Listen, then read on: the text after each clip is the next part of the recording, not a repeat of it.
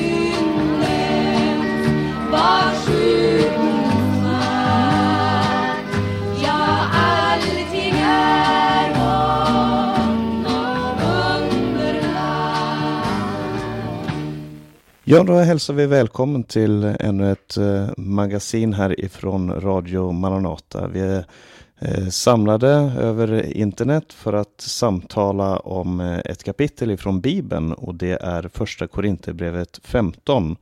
Och med, tillsammans med mig eh, över internet som sagt så har vi eh, Hans Lindelöv, eh, Berno Widén, eh, Sebastian Widén som sköter tekniken och jag Paulus Eliasson. Eh, och som sagt, vi ska tala om första Korinthierbrevet kapitel 15 idag. Eh, första Korinthierbrevet är ju ett brev skrivet av aposteln Paulus. Och eh, han talar i det här brevet om väldigt många praktiska saker som, hade, som skedde i församlingen i Korint. De hade skrivit till honom frågor och han hade själv saker som han ville ta upp med dem, saker och ting som hade gått fel eller som behövde korrigeras i församlingen. Och eh, en sak som, som hade skett där i församlingen var att vissa individer hade börjat säga att det fanns ingen eller det finns ingen, det kommer ingen uppståndelse. Och det är det som Paulus i det här kapitlet bemöter, men inte bara går han till polemik mot de människorna som påstår det här, men han går också grundligt in i och förklarar vad uppståndelsen är för någonting. Jesu uppståndelse, vår uppståndelse, det hoppet som de kristna bär på och det som skedde, verkligen skedde på eh, tre dagar efter att Jesus hade blivit korsfäst. Eh, vi ska läsa den här texten, inte hela kapitlet med en gång, vi ska ta det bit för bit för det är ett ganska långt kapitel, 58 verser. Men jag ska börja med att läsa de 19 första verserna och så ska, jag, eh, ska vi samtala om den här texten. Och det står så här. Bröder, jag vill påminna er om evangeliet som jag predikade för er, som ni tog emot och som ni står fasta i. Genom evangeliet blir ni frälsta om ni håller fast vid ordet som jag förkunnade. Annars var det ingen mening med att ni kom till tro. Jag förde vidare till er det allra viktigaste, vad jag själv har tagit emot, att Kristus dog för våra synder enligt skrifterna, att han blev begravd, att han uppstod på tredje dagen enligt skrifterna och att han visade sig för Kefas och sedan för de tolv. Därefter visar han sig för mer än 500 bröder på samma gång. De flesta av dem lever än, även om några har insomnat. Sedan visar han sig för Jakob och därefter för alla apostlarna. Och till allra sist visar han sig också för mig, som är som för ett ofullgånget foster. Jag är ju den minsta av apostlarna, inte värd att kallas apostel eftersom jag har förföljt Guds församling. Men genom Guds nåd är jag vad jag är och hans nåd mot mig har inte varit förgäves utan jag har arbetat mer än de andra, fast inte jag själv utan Guds nåd som varit med mig. Och vare sig det nu var jag eller de andra så är det detta vi förkunnar och detta har ni kommit till tro på. Men om det nu predikas att Kristus har uppstått från de döda, hur kan då några bland er säga att det inte finns någon uppståndelse från de döda? Om det inte finns någon uppståndelse från de döda, då har heller inte Kristus uppstått. Men om Kristus inte har uppstått, då är vår predikan meningslös och även er tro är meningslös. Då står vi där som falska vittnen om Gud, eftersom vi har vittnat om Gud att han uppväckt Kristus, som han ju inte har uppväckt, ifall det verkligen är så att inte döda uppstår. För om döda inte uppstår, har inte heller Kristus uppstått. Men om Kristus inte har uppstått, då är er tro meningslös och ni är fortfarande kvar i era synder. Och i så fall är de som insomnat till Kristus förlorade. Om det bara är för detta livet vi har vårt hopp till Kristus, då är vi de ömkligaste av alla människor. Och vi ska stanna där, även om det är på en eh, med lite negativ ton där eh, i slutet. Men eh, vi kommer, det går vidare här i kapitlet. Han börjar med att tala om den här tron som, vi, eh, som församlingen i Korint, de troende i Korint, hade tagit emot. Det som ordet som de hade fått eh, eh det ordet som de hade tagit emot och det som de hade kommit till tro på. Eh, och det jag får eh, fråga er, eh, kan fråga dig Hans här först. Vad tänker du om de här första verserna som vi möter i, i eh, eh första Korinthierbrevet 15? Jo, men det är ju helt riktigt. Alltså, för han sammanfattar ju inledningen där i elfte versen. Då han skriver som så. Det, det må nu vara jag eller det andra. Så är det på det sättet vi predikar och på det sättet ni har kommit till tro. Alltså det här är, det här är vår predikan. Det må vara jag eller det andra. Men det här är det vi har. Eh, och, och han har alltså presenterat evangeliet. Men han har också på ett mycket eh, på ett märkligt sätt presenterat eh, budbärarna. Och även sig själv. Och Ja, jag, jag, är riktigt, jag tycker det är, eh, jag är liksom, jag, jag är imponerad av hur han faktiskt eh, håller isär saker och ting. Så att han, han, han, han, eh, han, han talar om bröderna, han talar om Kefas och han talar om de tolv. Som ju är eh, naturligtvis på sitt sätt hjältar och så talar han om sig själv som ett ofullgånget foster. Det vill säga alls ingen hjälte på ett sätt. Han eh, går verkligen inte in för att förhärliga sig själv men han, han går verkligen in för att förhärliga Gud. Mm. Ja, precis. Eh, vad, vad, tänker du eh, Berno om de här första verserna vi möter här? Och han, han säger att det här är det grundläggande, det, det som han själv hade tagit emot. Vad innebär det? Ja, det, det, det här kapitlet överhuvudtaget är ju en oerhörd proklamation. Och det är som att Paulus han ställer verkligen allt på sin spets här. När man, när man läser inledningen så tänker man också på andra brev som han har skrivit. Exempelvis när han skriver till Galaterförsamlingen där han förvånas över att de så hastigt har lämnat eh, den grund som de stod på och vänder sig till ett annat evangelium. Och här i Korinthierbrevet så, så påminner han redan från början just om det evangeliet som jag predikade. Alltså det, det finns en bärighet här, en tyngd i det han säger. Samtidigt som han utmanar verkligen alla de här krafterna som vill förringa Jesus. Och det vi möter så mycket också idag, det här med, med att eh, ja, man vill mötas men huvudpersonen i kristendomen, Jesus, det är inte det viktigaste. Men här ser vi Paulus, han sätter allt på sin spets och menar att om nu Jesus inte har uppstått från de döda, ja då, då är vi lögnare. Då kan vi lägga ner, då kan vi packa ihop. För då har vi verkligen ingenting att komma med. Det, det, det, liksom, det finns inga alternativ. Det finns ingen annan väg, inget annat att ta till, utan allt kretsar kring Jesus. Och är inte han i centrum, ja då kan vi lägga ner. Mm. Ja, precis. Jag brukar säga det här till syskonen när vi är här i Rumänien. Jag är ju i Rumänien just nu. Och jag har nämnt några gånger, vi, vi läste den här texten för inte så länge sedan eh, när vi läser igenom Bibeln. Nu har vi kommit en bit in i andra Korinthierbrevet, men vi var i första Korinthierbrevet 15 för några veckor sedan.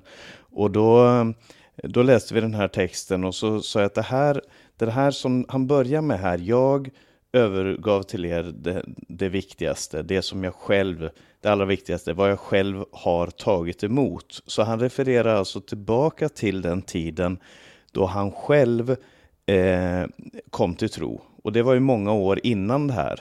Så han säger att det, det jag fick då, det var det här. Så vi är alltså, vi rör oss i den allra, allra tidigaste tiden och då var det här redan etablerat. Det var sånt som man sa till nyfrälsta, sånt som man sa till sådana som ville komma till tro. Det här är det vi tror på. Det var etablerat redan på, när Paulus blev frälst. Eh, och, så det här är sånt som alltså bibelforskare menar att det här är sån, en bekännelse eh, som går tillbaka till kanske redan det första året efter Jesu uppståndelse att det var så här man formulerade sig. Eh, och, och, jag sa det till syskonen i, i, eh, här i Rumänien att eh, lägg märke till att och, och pröva den förkunnelse som du lyssnar till om den står i samklang med det här. För om den gör det så är det någonting som går tillbaka till den allra, allra tidigaste kristna förkunnelsen. Om vi avviker ifrån det här, om det är någonting i vår förkunnelse som motsäger det här, då har vi avvikit. Men genom att vi har Guds ord närvarande hos oss så har vi möjlighet att gräva oss tillbaka till den absolut tidigaste källan. Och det han säger, eh, det är sånt som, som vi säger i varenda möte, som vi förkunnar hela tiden. Eh, han säger Kristus dog för våra synder enligt skrifterna. Och det är det här vi gör när vi öppnar skriften. Vi förklarar varför Kristus dog. Han dog för våra synder enligt skrifterna. Det är det som alla skrifterna pekar fram emot. Det är det vår förkunnelse handlar om. Att han blev begravd och att han uppstod på tredje dagen enligt skrifterna och att han visade sig för Kefas och sedan för de tolv. Det här är liksom det är den allra, allra tidigaste förkunnelsen som, som finns, eh, som vi har nedtecknad. Alltså det är inte bara att första Korinthierbrevet är skrivet någon gång på 60-talet, slut på 50, början på 60-talet, eh, efter Kristus, men att han refererar till någonting som han själv fick när han blev frälst, som redan var etablerat på den tiden. Eh, det är Eh, det är, eh, vi är i, i kärnan och helt i början och jag tycker att det är välsignat att se att den här förkunnelsen, den håller fortfarande idag. Det, här, det är samma grunden som vi står på, den samma, eh, det samma livet som vi lever eh, idag. Och sen från vers 13, du var inne lite på det här eh, Berno, att han säger att om det inte finns någon uppståndelse, eh, och Mm. det, det här säger han om och om och om, alltså han säger om det här, om, om det är så, om det är så. Eh, från vers 13 till vers 19 så talar han om de här olika om. Och kanske ni vill säga någonting, om, någonting mer om, eh, Berno eller Hans, om vad det betyder det här om nu inte Kristus är uppstånden, vad, vad får det för konsekvenser för vår tro och för det vi står för? Finns, finns det någonting kvar? Eller finns det någon, någonting annat som vi, kan, som vi kan göra med kristendomen om inte det här är en verklighet? Men alltså, det här brevet är ju adresserat till korintierna. Korintierna var greker och grekerna var filosofer. Och den grupp i församlingen som man får ta itu med här är förmodligen, jag, jag, jag kan inte utesluta att det kan vara så, lite filosofiskt lagda. Och eh, det som de filosofiskt gör här, det är inte fel va? Därför filosoferna, Aristoteles och så, och så vidare, de ägnar ju sig åt att genom att iaktta olika företeelser i tillvaron sluta sig till någon slags allmänna lagar eller regler. Ska vi fundera på det här med uppståndelsen utifrån filosofisk synpunkt eh, så regeln, den är ju den att döda uppstår icke. Det är regeln. Därför att eh, eh även om det har förekommit få, vissa enskilda fall att några har uppstått, så skulle man i alla fall enligt filosoferna inte kunna dra den allmänna slutsatsen av att uppståndelsen är någonting att räkna med. Regeln är alltså den att döda uppstår icke. Men det som, det som utgör den avgörande skillnaden det är ju just Kristus. Eh, Kristus liksom eh, är ju det, det är ju honom det gäller att, att, att, att, att få syn på. Det är ju honom det gäller alltså att eh, vända sig till. Och det är ju precis vad aposteln har kommit till Grekland för att göra. Predika Kristus. Eh, Och här måste han liksom skaka om dem lite grann och förmå dem att eh, släppa sina egna funderingar och, och påminner om just eh, det här ursprungliga budskapet om Jesus Kristus. Att han har dött för våra synder enligt skrifterna. Att han har dött för våra synder. Många har dött, men att han har dött, det har skett för våra synder. Här är alltså Kristus så oerhört unik. Ja, samtidigt när vi läser Korintierbrevet, det första, så ser man ju att eh, det som tas upp från första kapitlet och sen arbetas igenom, det är ju uppgörelser med väldigt olika slags människor. Det var mycket omoral till och med. Det, det fanns så djupa problem som eh, vi kanske skulle ha sagt att det där kan inte vara kristna människor.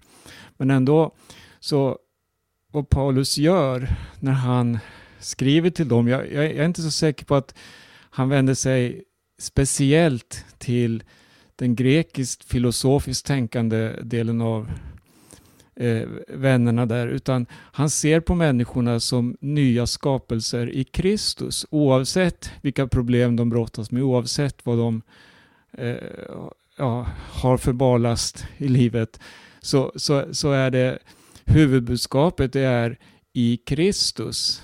Vem är vi i Kristus?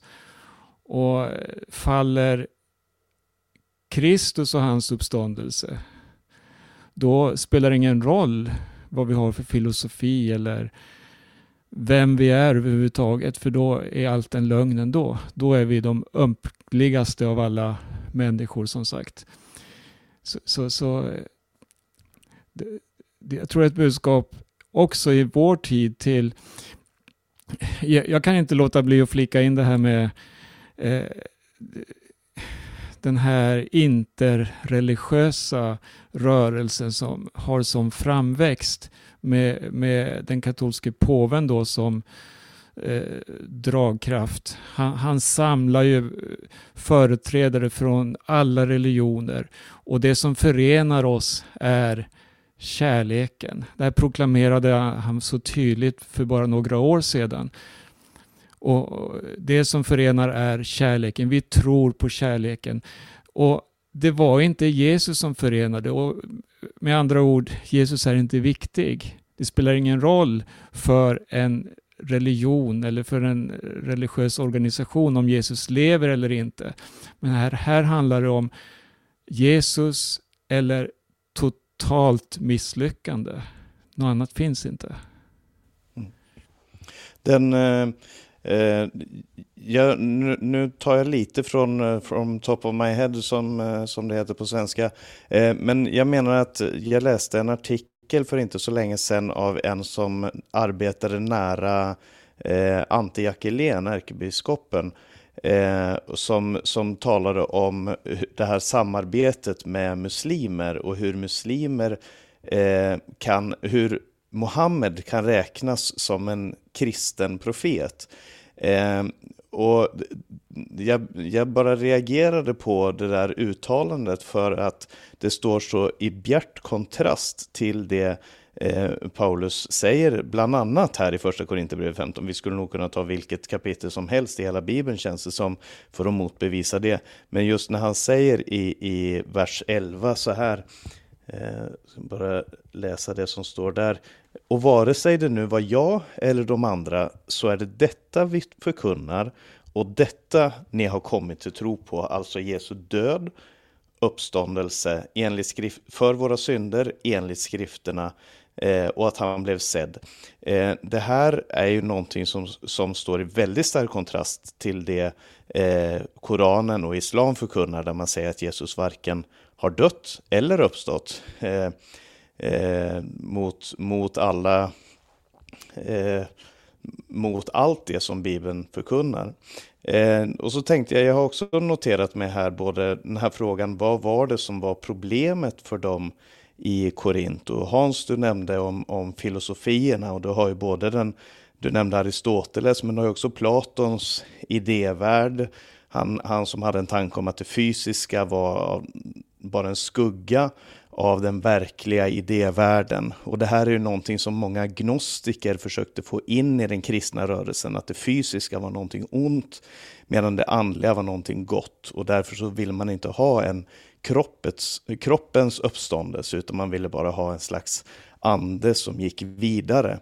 Det kan vara vissa influenser därifrån. Epikuréerna och stoikerna som aposteln Paulus mötte i, på, på, i Aten, som ju inte ligger så långt ifrån Korint, de blev ju eh, det var när Paulus började tala om uppståndelsen som man reagerade, som man sa att det här är galenskap, det här kan man inte lyssna på. Eh, och det var när han började tala om Jesus och eh, Anastasia. Eh, de, de trodde att han talade om två olika gudar som heter Jesus och Anastasia, men Anastasia är ju grekiska för uppståndelsen. Eh, och han, när han kom in på uppståndelsen, det var då människor, de gick därifrån och de började protestera och så han kunde inte tala längre. Så någonting kan det ha att göra med filosofin, men det verkar ändå utifrån det som, eh, det som står lite senare här i vers eh, 32 Eh, så, så verkar det som att de använder det här som intäkt, lite som du var inne på Berno, som intäkt för att synda. För han säger om, om döda inte uppstår, då kan vi äta och dricka för imorgon dör vi. Och han citerar Jesaja 22 där om det meningslösa livet utan Gud, när man förnekar Guds existens och att, Gud ska för, att någonting ska få konsekvenser. Eh, så det, för mig verkar det som att där man använder filosofin som en ursäkt, eh, men det som ligger bakom är den här önskan efter att får bara leva efter sina egna begär och sina egna lustar för att saker och ting får ändå inga konsekvenser. Det finns ingen uppståndelse, det kommer ingenting här efter. Vill ni fylla in någonting mer innan vi går vidare till nästa del av kapitlet? Jag tycker det verkar som du redan är i nästa del. Ja, men då kanske vi lika gärna ska ta och läsa. Du, du, du, nämnde, Ja. du nämnde Jacqueline här och eh, Ja. det var väl eh, hennes eh, sekreterare va, som, som, som hade uttryckt någonting om att eh, det var alltså det, det, det, vi har samma gud som muslimerna och, och utifrån det då ska man kunna bygga upp den här eh, föreningen, det ekumeniska samarbetet. Och jag, jag bara drar mig till minnes, för påven var ju i Irak nu och hade bön för Abrahams barn från ah, olika religioner. Och jag minns eh, den tid då vi bodde och var mycket i Rinkeby i Stockholm. Så fanns det en stark rörelse, en slags fredsrörelse som skulle förena alla religioner och då, och då utgick man inte från Jesus, för det är ju uteslutet. Man kan aldrig acceptera honom, men man utgick från att alla är vi Abrahams barn. Och det skulle vara den eh, gemensamma nämnaren då för att kunna tjäna sin Gud tillsammans. Ja, Mm. det var bara en liten... Ja, precis. Eh, nej, men vi, kan, vi kan ju konkludera eh, första Korinthierbrevet 15, eh, den första delen som vi har läst här. Det, han, Paulus för det här argumentet att om vi utesluter uppståndelse som en teoretisk möjlighet, då är inte Kristus uppstånden. Men om inte Kristus är uppstånden, då är det här som vi förkunnade, det som vi tog emot, det är meningslöst. Det, vår, vår förkunnelse, den är helt meningslöst. Då är också apostlarna själva lögnare, han säger det. Då, då har vi ljugit. Eh, vi, vi är lögnare för att vi säger att vi har sett den uppståndne Kristus, någonting som tydligen då måste vara en lögn. Både Paulus och Petrus och eh, de andra apostlarna hade ju sett Jesus uppstånden, därför de kallas för apostlar. Eh, och då säger han att om vi är lögnare och vår predikan är meningslös, då är vår tro värdelös. Eh, och inte bara det, vi är fortfarande i synd. För att då finns det ingen befrielse ifrån synden ännu. Eh, Vi är fortfarande där för att vi sa ju att Kristus dog för våra synder enligt skrifterna. Eh, Och utan uppståndelsen så har vi inget bevis för att han dog för våra synder enligt skrifterna. Men på grund av uppståndelsen så har vi det. Och då säger han, och om allt det här nu är sant, då är vi de mest beklagansvärda. Allting hänger på det här. Det här är vara eller icke vara för den kristna tron överhuvudtaget. Och det är vi de första att erkänna. Tar vi bort det här, då har vi, då har vi ingenting. Vi, vi, vi borde inte eh, syssla med någonting som har med kristendom att göra om inte uppståndelsen är sann. Och med det som bakgrund så får vi fortsätta att läsa eh, vers, från vers 20. Och jag ska läsa vers 20 till 34 där det står så här. Men nu har Kristus verkligen uppstått från de döda som förstlingen av de insomnade. Eftersom döden kom genom en människa kom också de dödas uppståndelse genom en människa. Liksom alla dör i Adam, så ska också alla göras levande i Kristus. Men var och en i sin ordning, Kristus som förstlingen och därefter när han kommer, de som tillhör honom. Sedan kommer slutet, när han överlämnar riket åt Gud Fadern sedan han har gjort slut på varje välde, varje makt och kraft. Han måste regera tills han har lagt alla fiender under sina fötter. Som den sista fienden berövas döden sin makt, för allt har han lagt under hans fötter. Men när det sägs att allt är lagt under honom gäller det självklart inte Gud som har lagt allt under Kristus. Och när allt har blivit lagt under honom, då ska sonen själv underordna sig den som har lagt allt under honom, så att Gud blir allt i alla. Vad uppnår annars de som döper sig för de döda? Om döda alls inte uppstår, varför döper de sig då för deras skull? Och vi, varför utsätter vi oss för faror jämt och ständigt? Jag dör varje dag, så sant som jag i vår Herre, Jesus, Herre Kristus Jesus är stolt över er bröder. Om jag hade tänkt som människor i allmänhet när jag kämpade mot vilddjuren i Efesus, vad hade jag haft för nytta av det? Om döda inte uppstår kan vi äta och dricka, för imorgon dör vi.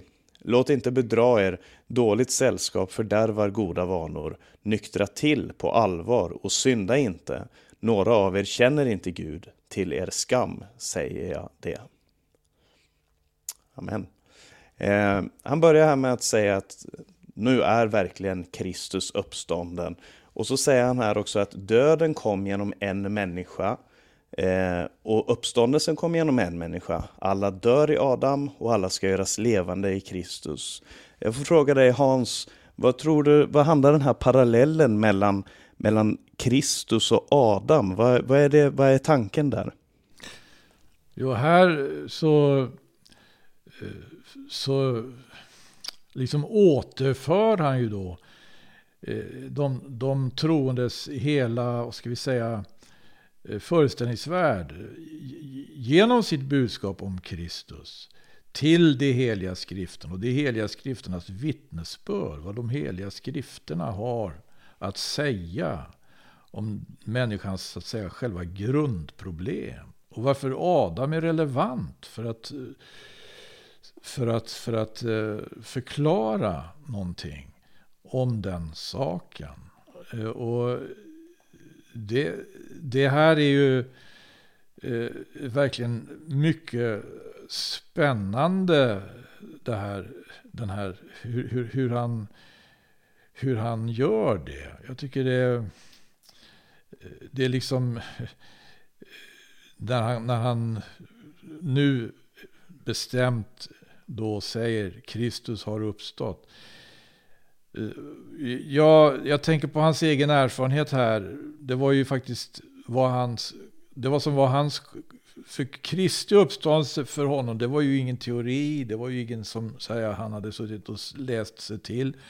Utan det var ju en kraftig smäll för honom. Därför att det var ju faktiskt den uppståndne som eh, stod i vägen för honom i hans vilda framfart som eh, en förföljare. Han förföljde Guds församling, han förföljde de kristna. Och när han fick möta den uppståndne, då fick han, då fick han verkligen, då blev det avslöjat för honom och det han visste om, om skriften, han, hans hans så att säga natur, hans hela läggning och hans eh, grundorientering i Adam blev för honom själv mycket, mycket, mycket eh, kraftfullt avslöjad.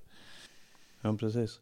Eh, får fråga dig Bern också med tanke på de här verserna här. Han säger att vi, man dör i Adam och, levande, och göras levande i Kristus. Vad betyder det att vara i Adam och i Kristus? Adam är ju den första människan som levde och han är väl den som representerar hela mänskligheten på ett sätt.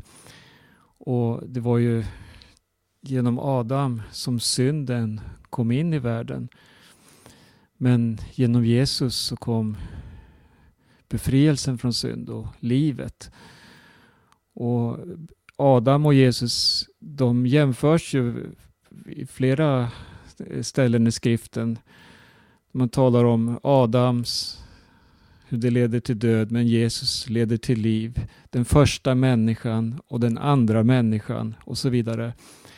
Så att just de här jämförelserna, det, det är en tydlig bild på att ingen människa kan i sig själv bli fri från den synd som kom in i släktet och genom Adam. Men den enda människan, den andra Adam, den andra människan, han bar all vår synd och han tog den upp på Golgata. Han steg ner i dödsriket och han steg upp ur dödsriket och tog fångar därifrån och bevisade sig ha övervunnit döden. Och, och här, här ser vi den andra Adam som är livets första. Den som andra, till den alla andra människan. Den siste Den andra människan. Den sista Adam, ja precis. Mm. Nu, nu, eh, det här är ju sånt som, eh, som kommer tillbaka senare i, i texten här, det är just det här den första, eh, den första Adam och den sista Adam. Det, är ju, det är ju spännande det här med att man kan göras levande i Kristus. Alltså som när vi föds fysiskt så är det in i Adam, i Adams släkt. Men Jesus är slutet på, på den släkten om man vill, eller början på, på en ny släkt som är i Jesus Kristus. Och det är det här han fortsätter med här från vers 23 så talar han om den här ordningen och så går han liksom från uppståndelsen till den nya skapelsen. För han säger var och en i sin ordning. Kristus som förstlingen. Det var det här jag var inne på när jag talade om den, den första frukten. För att eh, det här refererar ju till det som det talas om i Gamla Testamentet. Att man, eh, när man tog upp den första frukten, den, allra, den, den första grödan ifrån jorden, det gav man som ett offer till Gud eh, i hopp om att det skulle komma mer, att det skulle komma en, en senare skörd också. Och jag tror att det är det här som han, som han vill eh, referera till, att det, det, har kommit en första frukt. Det har kommit eh, en, en eh, om du vill, för att använda en mer modern eh, kanske bildspråk, det har kommit en vårens krokus, de första, första blommorna som tittar upp när, när vintern börjar så smått släppa. Innan man egentligen har sett vintern släppa så är det små blommor som kommer upp som vittnar om att det finns liv där under. Det är inte dött. Det, det, finns, det kommer någonting längre fram. Det kan dröja, det kan ta lång tid innan du ser sommaren. Men krokusen vittnar om att jo, det finns liv. Det, det, är, det är någonting som spirar fram och det är det vi ser när han ser tillbaka på Jesu uppståndelse. Han fick ju möta Jesus uppstånden på vägen till Damaskus och när han fick den erfarenheten och fick se Jesus uppstånden så, så visste han det här det betyder allting. Eh, för att citera en sång som du Hans har skrivit om lärjungarnas upplevelse när de fick möta den uppståndne Jesus, så, sa, så uttrycker du det så i sången, nu kan inget vara hopplöst mer, nu kan allt hända, precis allt. Det är, det är en, en eh, liksom förkunnelse av att när, om Jesus är uppstånden, då är det möjligt, då finns det en seger. Jag tycker att det är Helt fantastiskt. Eh, och, sen, och sen så, men han fortsätter här. Kristus som förstlingen, därefter när han kommer, det är det som ligger framför oss, de som tillhör honom som ska uppstå. Sedan kommer slutet när han överlämnar riket åt Gud Fadern, sedan han har gjort slut på varje välde, varje makt och kraft han måste regera tills han har lagt alla fiender under sina fötter. Som den sista fienden berövas döden sin makt för allt han har lagt under hans fötter. Eh, de här makterna, eh, för att fråga dig Hans här, eh, han talar om varje välde, varje makt, varje kraft och den sista fienden är döden. Vad är de här fienderna som står emot Kristus och som han måste regera över? Ja, det är ju eh, på sätt och vis intelligenta fiender. Därför att de presenteras ju som huvuden. Ja, det är huvuden. Och citatet är ju hämtat just ifrån eh, den 110 salmen i Saltaren. Där, eh, där en psalm av David. Se här. Just det, det är den 110 salmen. Där det heter som så. Herren sade till min herre, sätt dig på min högra sida till dess jag har lagt dina fiender dig till en fotapall. Och i slutet står det här i femte versen.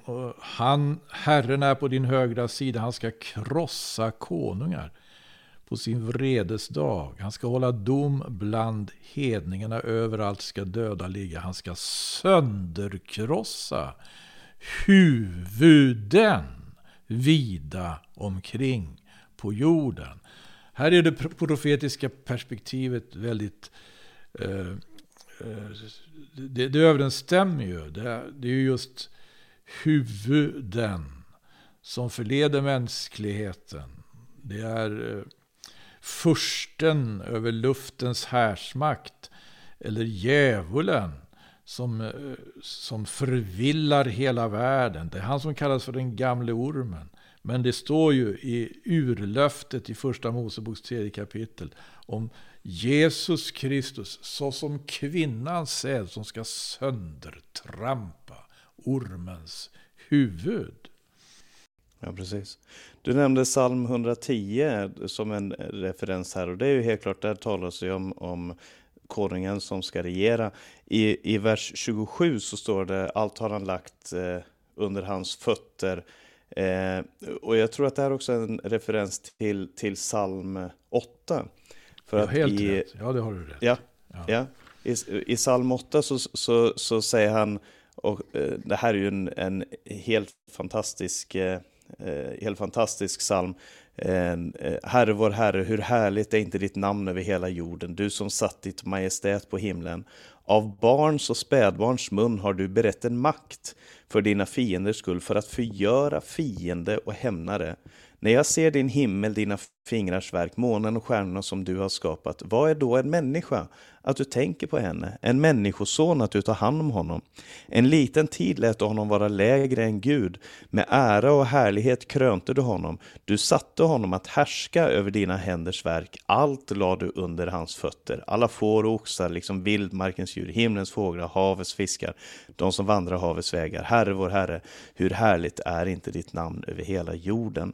Eh, den här, det här här kapitlet här, och jag, jag ska säga det, när, när man läser eh, Eh, eh, eh, Paulus förkunnelse så kan det vara väldigt bra. Nu har han nämnt om Adam. Han nämner här, eh, citerar salmer. Vi har varit i psalm 110.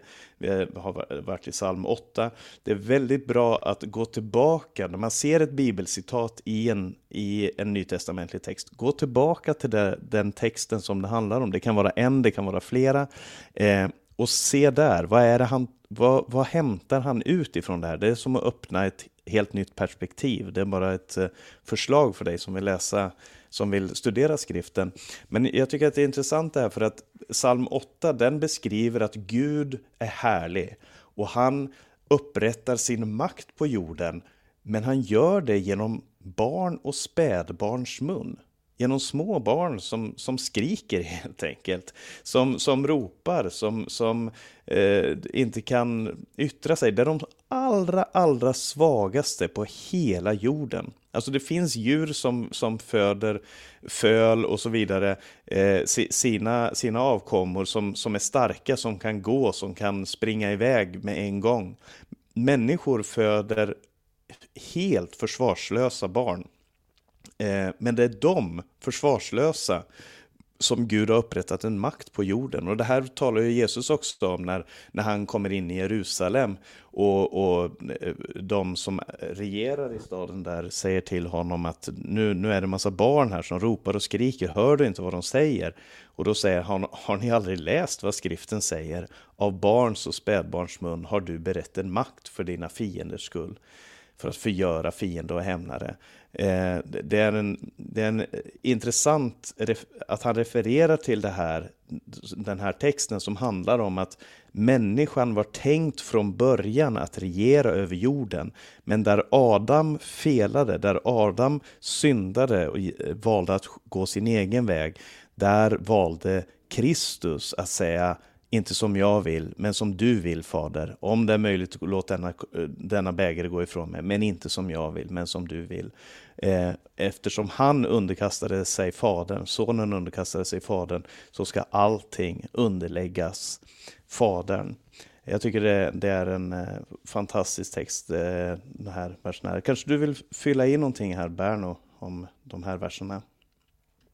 Ja, när man läser då från vers 25 och framåt, det, det är som att blicka in i, i tusenårsriket eller nya himlar och ny jord. Vi ser en Jesus som har besegrat den sista fienden och har lagt allt under sina fötter.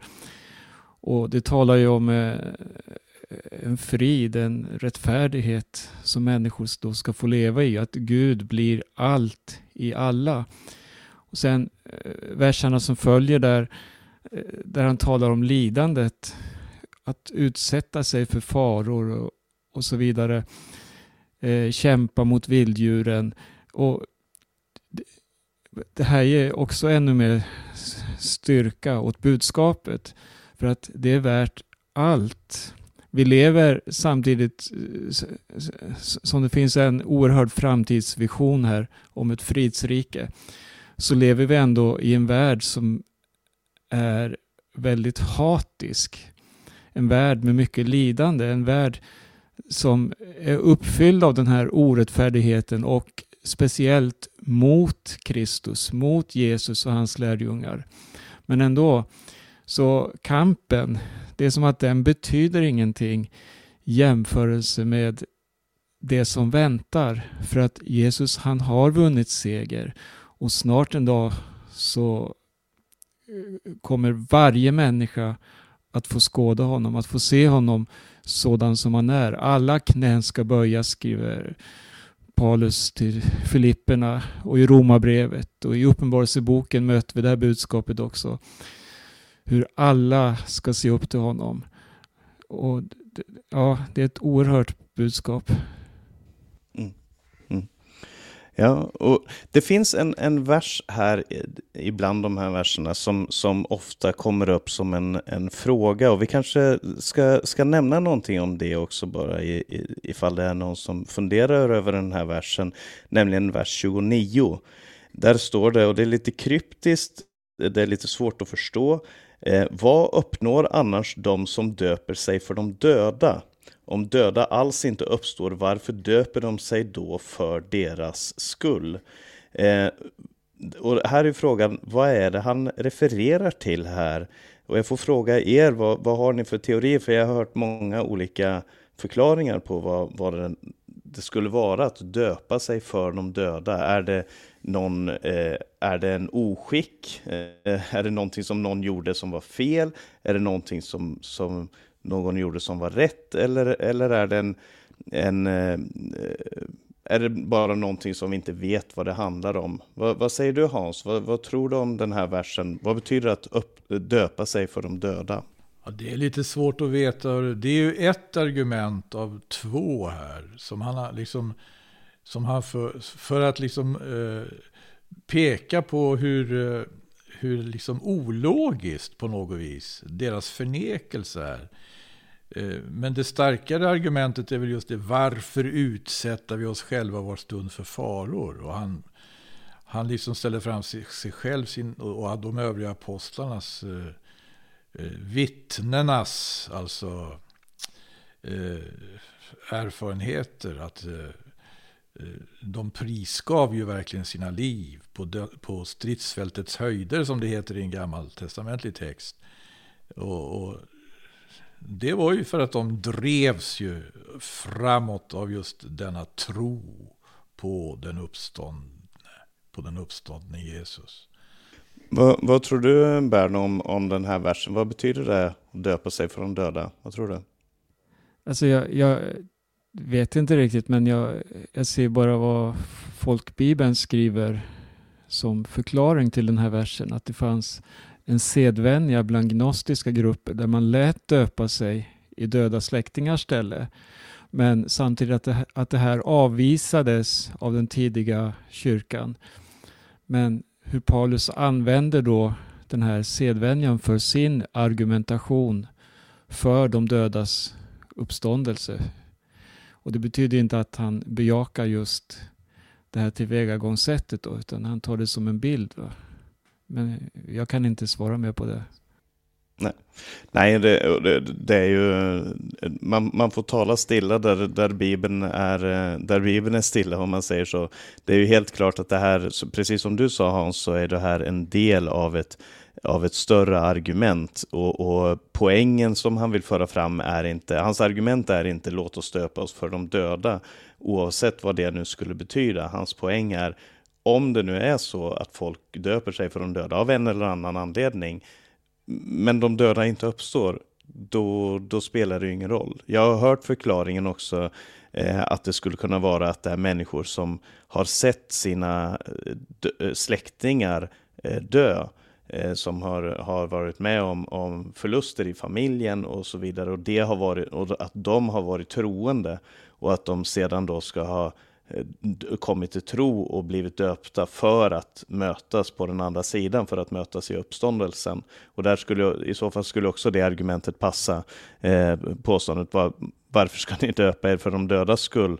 Eh, för att möta dem om ni nu inte eh, om det inte finns någon uppståndelse. Men hur, hur den är så, så använder han många olika argument och det gör han ju på många olika ställen så, så hämtar han argument från, från skapelsen, från filosofi, från skriften, ifrån sin egen erfarenhet, från församlingens erfarenhet. Om man läser till exempel första Korinthierbrevet 11 där han talar om den här makten över huvudet eh, när det gäller kvinnor och män i församlingen och hur de ska be och så vidare. Där, där använder han väldigt många argument från, från skapelsen, från skriften, från eh, skicken som man hade i församlingarna och så vidare eh, för, för att föra sitt argument för att visa eh, eh för att visa vart han stod någonstans. Eh, och samma sätt gör han ju här. Det verkar som att det är otroligt angeläget för aposteln att eh, Eh, poängtera gång på gång om de döda inte uppstår. Varför? Varför gör vi någonting överhuvudtaget? Eh, och, och det jag skulle vilja säga om de sista verserna här Eh, och det verkar inte som att vi kommer igenom hela det här kapitlet. Vi får se om vi, om vi får ta ett, ett till program. Vi har bara några minuter kvar här. Eh, men det jag skulle vilja säga om de sista verserna här i 31-32 där han talar om sig själv och säger jag dör varje dag, är ju att eh, den här uppståndelsekraften, för den som har gett sitt liv helt och fullt till Gud, så är det nödvändigt att man har den här uppståndelsekraften varje dag.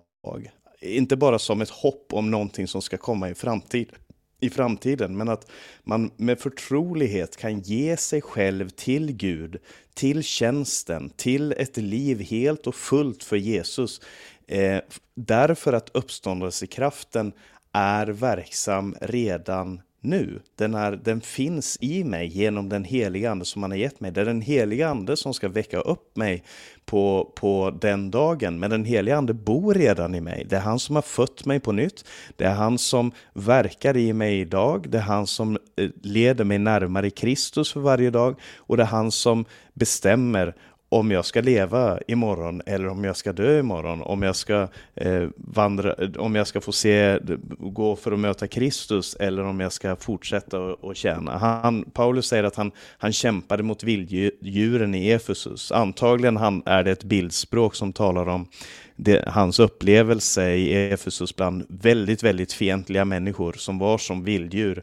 Eh, men Alltså, om, om nu de döda inte uppstår, och så läser han från Jesaja 22, då låt oss äta och dricka för imorgon dör vi. Och, och det är ju också ett intressant, en intressant refer, referens till, till eh, det som sker i Jerusalem där, när, när människor istället för att eh, omvända sig till Gud, så står det. Istället så blev det munterhet och glädje. Ni dödar oxar och slaktar får, ni äter kött och dricker vin. Låt oss äta och dricka, för imorgon dör vi.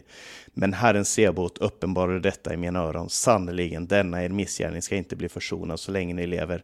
Det här, det här var en situation i, i Gamla Testamentet där man levde som om det inte fanns någon konsekvens på det man gjorde. Och jag tror att det är väl något av detta som, som aposteln vill eh, poängtera, att det finns ett resultat av det livet vi lever och det, eh, det, finns, det finns en framtid och det finns någonting att kämpa för som ligger bortom livet.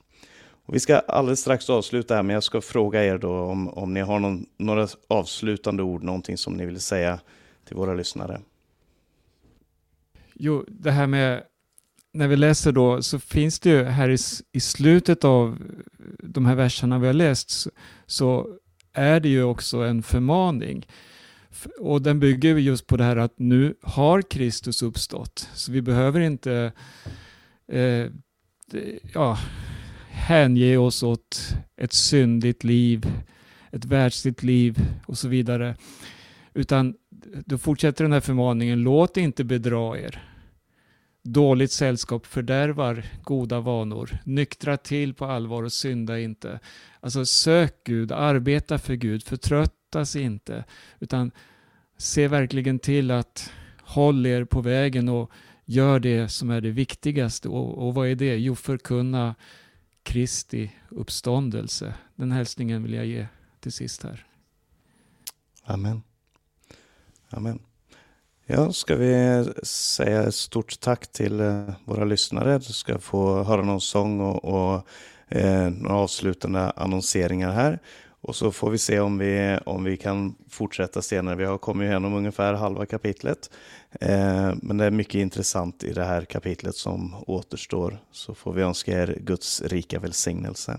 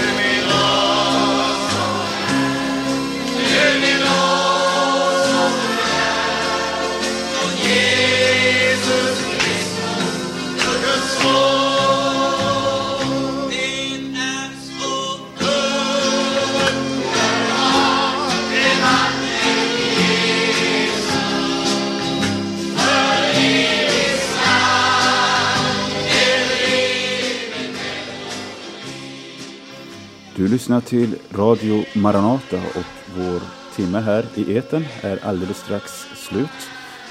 Vi har hört Paulus Eliasson, Berno Widén, Hans Lindelöf samtala över första Korinthierbrevet kapitel 15. Och förhoppningsvis så kommer vi nästa vecka att få höra del 2. Fortsätter det här samtalet. Radio Maranata sänder över Stockholms närradio 88 MHz, Göteborgs närradio 94,9 MHz och Örebro närradio 95,3 MHz. Och vill du ha mer information så är du välkommen att besöka vår hemsida på www.maranata.se eller mejla oss på info maranata.se eller ring 070-201 60 20. Med de orden önskar jag dig Guds rika välsignelse och på återhörande i Radio Maranata snart igen.